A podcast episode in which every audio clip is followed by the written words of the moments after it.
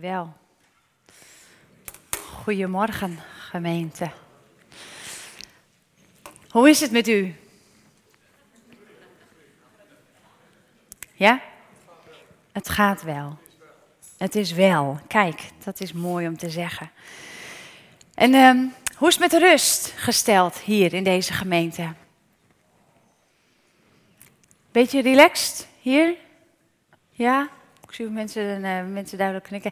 Wie had zich voorgenomen om in, in de coronatijd om te bedenken, als het ooit weer de oude wordt, dan hou ik deze rust en die lege agenda als goed voornemen vast. Wie had dat bedacht? Ik had het bedacht. Wie is al op de koffie gekomen? Wie heeft al gefaald? Ik ook. Ja, Oh, jongens, jongens, het is, uh, het is chaos, denk ik soms wel eens. Ik was uh, gisteren bij de afsluiting van uh, voetbal van onze jongste avond ervoor hadden we afsluiting van de middelste van voetbal. Dus we reden wat heen en weer naar, uh, naar Opeinde. En, uh, en daar hoorde ik het ook in de dorpen, vooral om Drachten heen. Overal dorpsfeesten en dingen die georganiseerd worden. En er wordt flink uitgepakt, want we hebben twee jaar stilgestaan. En dus moeten we het nou, inhalen. We zien het op Schiphol waar de drukte massaal is, omdat mensen allemaal blijkbaar na een periode van rust toch weer ook weer rust nodig hebben op vakantie gaan. En in de chaos van, van Schiphol zichzelf onderdompelen om maar een plekje te bemachtigen uh, uh, in, in dat vliegtuig. En ik kan me zo voorstellen dat als je dan eenmaal je neerzet in een lekker hotel, dat je dan ochtends de stress hebt van het vinden van een bed bij het zwembad om, uh, om de dag te kunnen relaxen. We noemen dat relax stress. De stress om het relaxen. Ik noem het misschien zelf wel een beetje relax stress. Ik heb daar last van. Als het vakantie is, dan ben ik de eerste dagen niet zo te genieten, omdat ik ergens die stress ervaar van nu moet ik rust pakken. dat idee. En ik vind het zo prachtig, want ik was daarover aan het nadenken en toen werd ik bepaald bij de tekst uit Marcus 6 waar de apostelen weer terugkomen bij Jezus, vers 30. De apostelen kwamen weer samen bij Jezus en berichten hem alles wat zij hadden gedaan en wat ze onderwezen hadden. Lig je wel eens s'avonds in bed of s'avonds vlak voor bed gaan en dan ben je in gesprek met God en dan vertel je even wat je de dag gedaan hebt, wat je ondernomen hebt, wat gelukt is of misschien niet zo gelukt is. Deze discipelen waren op uitgezonden door, eh, door Jezus. Ze worden in dat geval ook apostelen genoemd al. Apostelen had met werkende discipelen te maken. Hè. We kunnen een discipel zijn, maar we kunnen ook een apostel zijn. Dan verkondigen we, dan zijn we zenders, dan zijn we uitzenders, dan doen wij iets voor het koninkrijk van God. En de apostelen komen dus dan weer samen en ze berichten wat ze hebben ondernomen. En wat ze gedaan hebben en onderwezen hebben. En dan zegt Jezus tegen hen: Kom met mij mee naar een eenzame plaats, alleen, en rust wat uit. En er staat achteraan, maar er waren velen die kwamen en die gingen en ze hadden zelfs geen gelegenheid om te eten. Nou, wie heeft wel eens zo'n dag dat je niet eens tijd hebt om te eten? Vergeet om te eten of gewoon geen rust ervaart om ook maar iets te eten. Wie haalt wel eens patat omdat het dan maar snel even moet? Nou, volgens mij wel herkenbaar voor ons allemaal. Ik werd getriggerd door deze, deze zin, die uitnodiging. Het raakte me gewoon. Dat Jezus tegen hen zei, en het voelde alsof Jezus dat tegen mij zei: Kom even mee naar een eenzame plaats, alleen, en rust wat uit. En ik werd getriggerd door de, door de, de, de twee woorden alleen en rust. Rust wat uit en wees even alleen. En toen dacht ik, daar ga ik even onderzoek naar doen, wat dat precies nu eigenlijk inhoudt in dat in eerste instantie die rust. Wat houdt dat in? Uitrusten. Wat is rusten? We hebben het net gezien, Matanje nam de kinderen prachtig mee in het stuk. Mijn juk is zacht, mijn last is licht. In mij is rust, in mij is vrede. Maar wat houdt dat dan in? En waar start dat? Waar zien wij God in rust? Waar zien wij Jezus in rust? En ik werd, moest denken aan Genesis. Waar God de aarde schept. En in Genesis 1, want er staan twee, er zijn twee scheppingsverhalen, maar in Genesis 1 ligt daar een prachtige retoriek in het verhaal. Waarbij God eerst drie loze ruimtes schept. Drie lege plaatsen, een lege lucht, een lege zee en leeg land. En daarna gaat hij pas vullen. En na al die leegtes gaat God vullen. En ik, werd, eh, ik had een eh, podcast geluisterd, een aanrader van uh, Dit is de Bijbel, de podcastserie Dit is de Bijbel. We gaat veel al in gesprek met Stefan Paas en een van de afleveringen gaat over Genesis. Als je pen en papier hebt, noteer hem. Aanrader om terug te luisteren. Want door hem werd ik getriggerd in het zoeken naar die oud-Oosterse scheppingsverhalen. Want wat blijkt in uh, dus nee, dat is natuurlijk al wel. Er zijn niet alleen de Genesis-verhalen, er zijn meerdere oud-Oosterse scheppingsverhalen die in de tijd van Mozes en de, het ontstaan van volk Israël in die gebieden daar circuleerden. En als je die verhalen naast elkaar ligt, legt, dan ligt Gods scheppingsverhaal.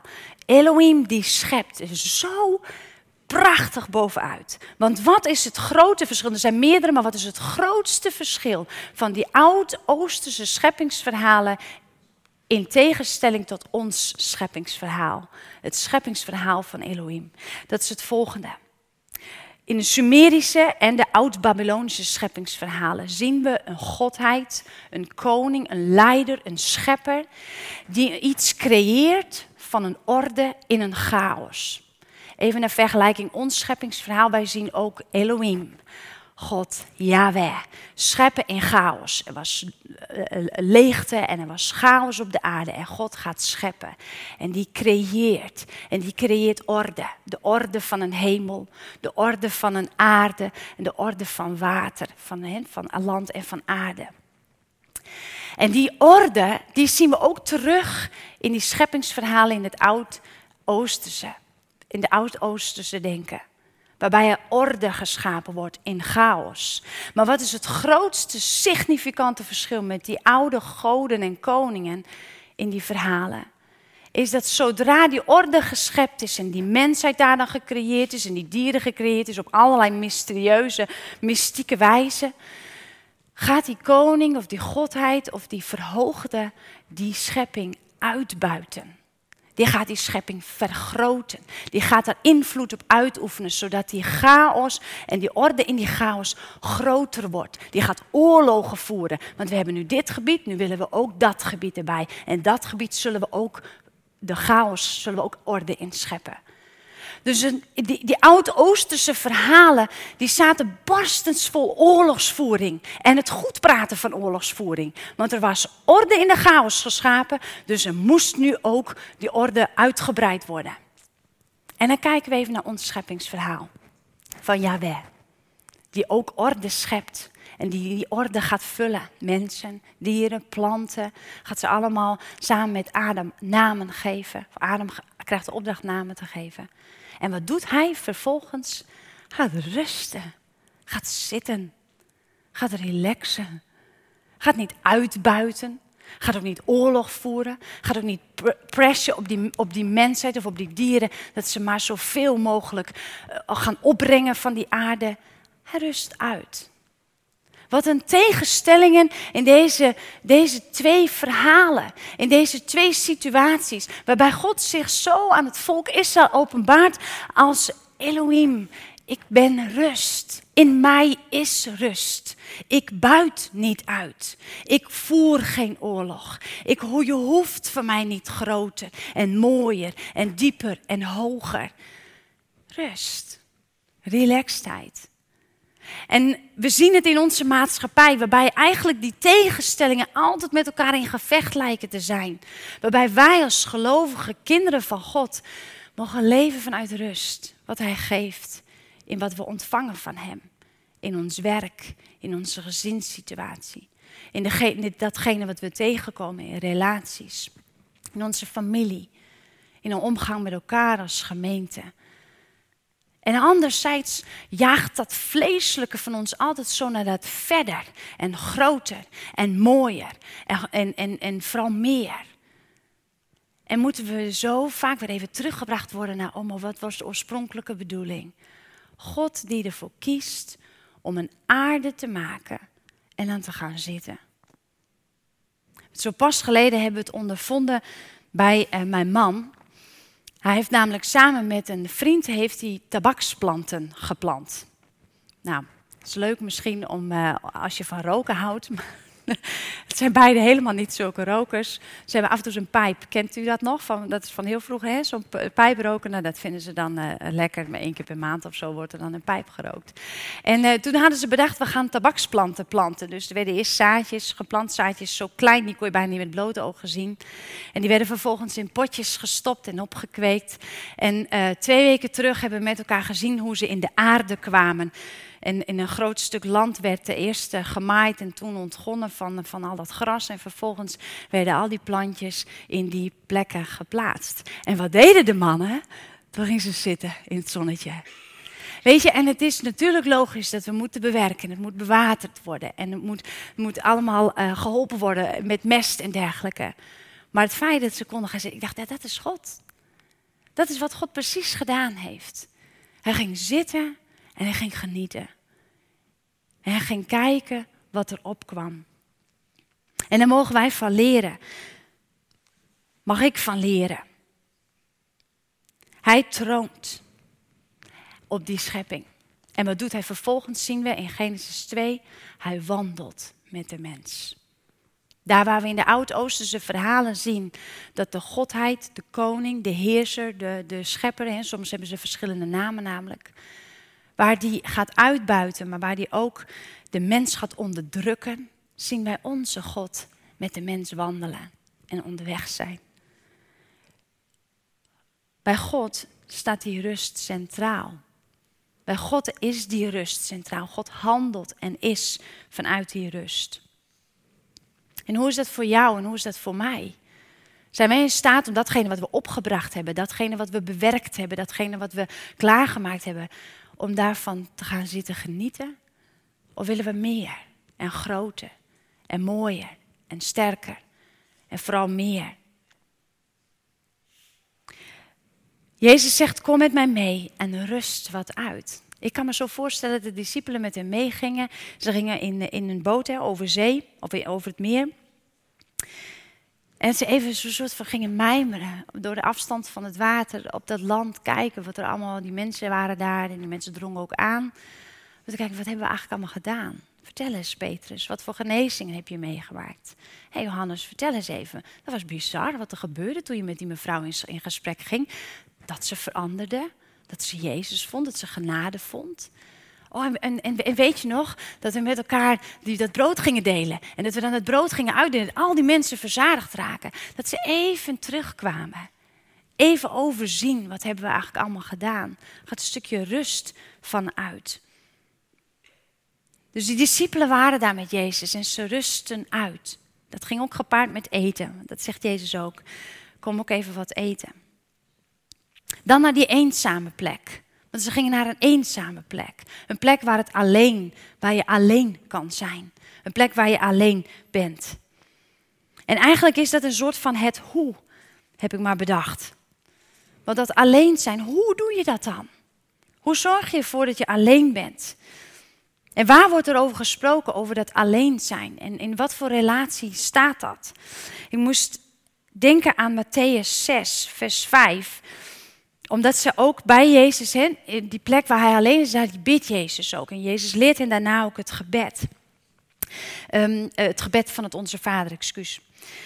En we zien dus dat hij dat combineert met elkaar. Alleen zijn rust vinden gaat gepaard met gebed. Gaat gepaard met in gesprek zijn met God. En hij zegt, Jezus hier, wanneer u bidt in Matthäus 6, zult u niet zijn als de huigelaars. Want die zijn er zeer op gesteld om in de synagogen en op de hoeken van de straten te staan bidden door de mensen gezien te worden. Voorwaar, ik zeg u, dat zij hun loon al hebben gehad. Maar wanneer u bidt, ga dan in uw binnenkamer, sluit uw deur en bid tot uw vader, die in het verborgene is. En uw vader die in het verborgene ziet, zal het u in het openbaar vergelden. We zien hier een stukje tekst en ik weet niet wat voor reactie dat bij u oproept, maar het, dat, dat stelt mij altijd een beetje, uh, uh, voor, ik stel me dat altijd zo voor dat dat een beetje tik op de vingers is. Alsof dat een beetje een terechtwijzing is. En dat is het natuurlijk deels ook omdat Jezus naar die fariseeën eigenlijk ook uithaalt. Hè? Die op de, op de hoek van de straat staan en kijk mij eens even heilig zijn. Maar toen ik dit stuk las in de message, zat er zo'n andere toon in. Zo'n andere lading in. En toen dacht ik, oh, ik wil de message met jullie gaan doen. Het is in het Engels, maar ik ga hem vertalen voor jullie. Want wat staat er in de message? In dezelfde tekst. Here is what I want you to do. Find a quiet, secluded place so you won't be tempted to role play before God. Just be there as simply and honestly as you can manage. And the focus will shift from you to God. And you will begin to sense His grace. Wat een prachtige andere gevoel zit er in dit stuk tekst wanneer het in deze vertaling staat. Ik zal hem vertalen. Here is what I want you to do. Dus de opdracht. Dit is wat ik van je vraag. Dit is wat ik je opdraag om te doen. Ga een, een rustige, afgezonderde plek zoeken. Find a quiet, secluded place. Waar je niet verleid wordt om een rol te spelen. Waar je niet verleid wordt om te, ja, roleplay, bijna, bijna moeilijk te vertalen, om een rollenspel te spelen iets heiliger voor te doen dan je bent. Iets groter voor te doen dan je bent. Of misschien kleiner te maken. Huigelarij. Misplaatste nederigheid. Niet een rol spelen voor God.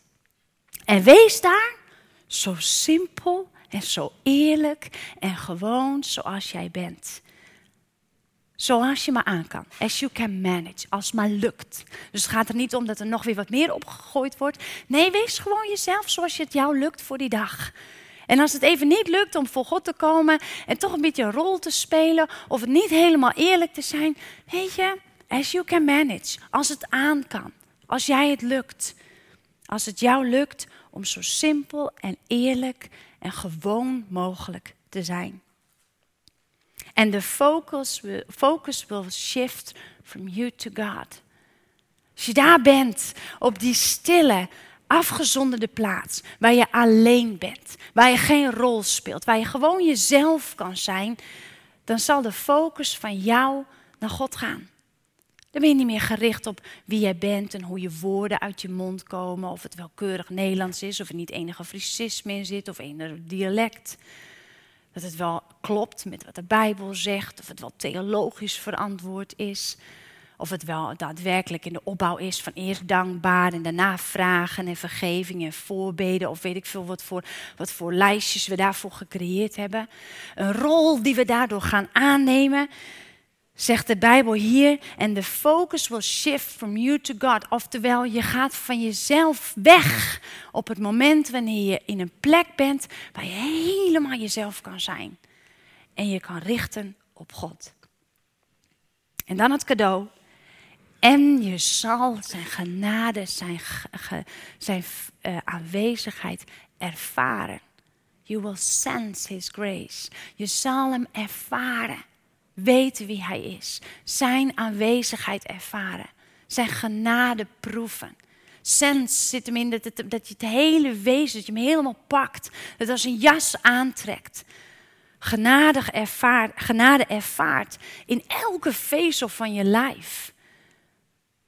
Vind hem prachtig hoe hij hier in, het, in, in uh, de, de message vertaald wordt. Omdat hij op die manier even dichterbij komt, althans voor mij even dichterbij komt. Als Jezus dan zijn discipelen uitnodigt, rust even uit. We hebben gezien, uitrusten is even kijken, aanwezig zijn, er zijn. Niet uitmelken, maar juist genieten van datgene wat er gecreëerd is, wat er bewerkt is, wat er gedaan is. Afstand nemen zit er daarin ook in. En wees even alleen. Zoek een plek waar je af en toe alleen kan zijn. En er zijn zoveel gelovigen die de kerkdienst nodig hebben om zichzelf te voeden. Die een gezamenlijk gebed nodig hebben om dan bij God te kunnen zijn. Maar ik zou je zo willen aanraden dit cadeau aan jezelf te gunnen.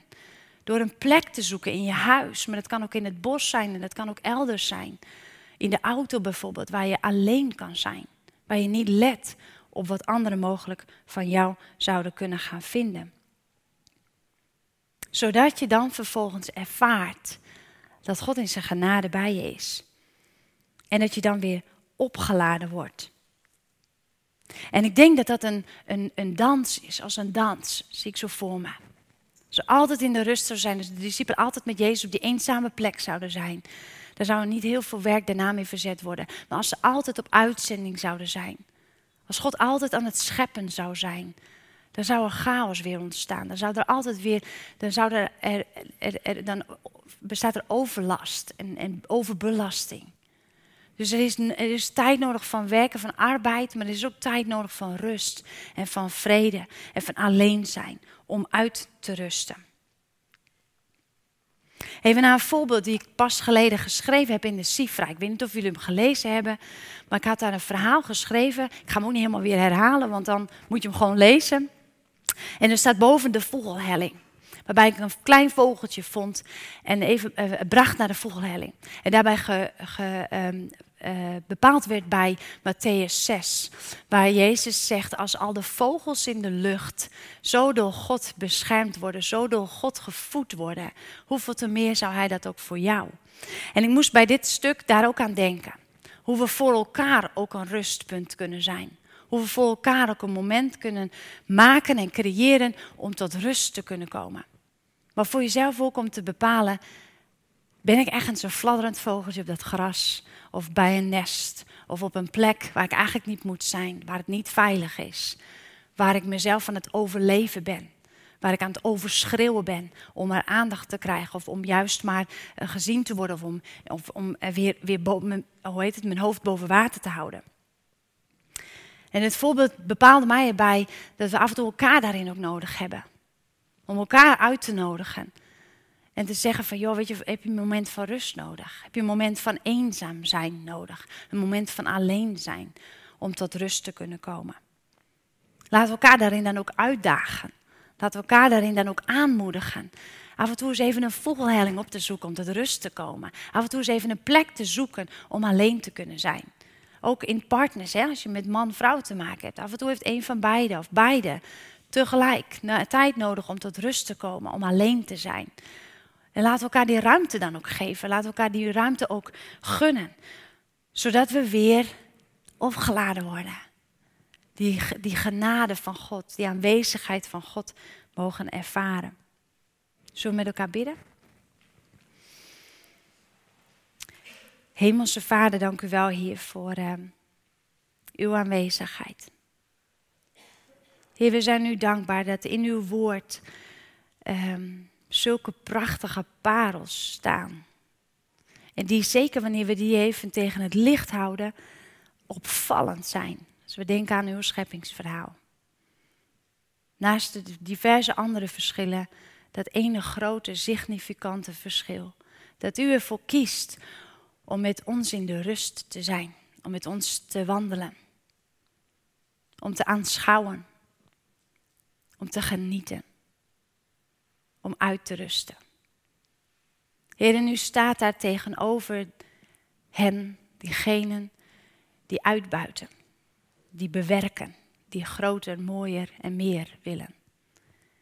En ben u zo dankbaar, Heer, dat we daardoor in uw woord mogen lezen hoe u vanaf de beginnen al ervoor koos om een andere weg met de mensheid te gaan. Een andere route voor ons te hebben. En dat we daarin mogen leren dat we bij u in een rust mogen zijn. Heer, dank u wel ook dat we in uw woord mogen lezen hoe we dat alleen zijn kunnen vormgeven en wat u daarmee voor ogen heeft. Dat we geen rol spelen, we onszelf zijn. Dat we enkel en alleen bezig zijn met u. En dat u dat ook geeft en dat u dan ook uw genade geeft. Dank u wel, Heer. En ik bid voor ons allen zo, ook voor mezelf, dat de komende tijd Marcus 6, vers 31. Een moment mag, een herinnering mag zijn. Kom met mij mee naar een eenzame plek en rust wat uit. Wees even alleen. Heer, ik bid dat u of ik, ik, ik bid u, Heer Jezus, wilt u ons dat geven? Wilt u anders dat af en toe inspreken? Dat we vasthouden en volhouden wat we ons voorgenomen hebben. Om meer in rust te leven. In Jezus' naam. Amen. Amen. Bedankt.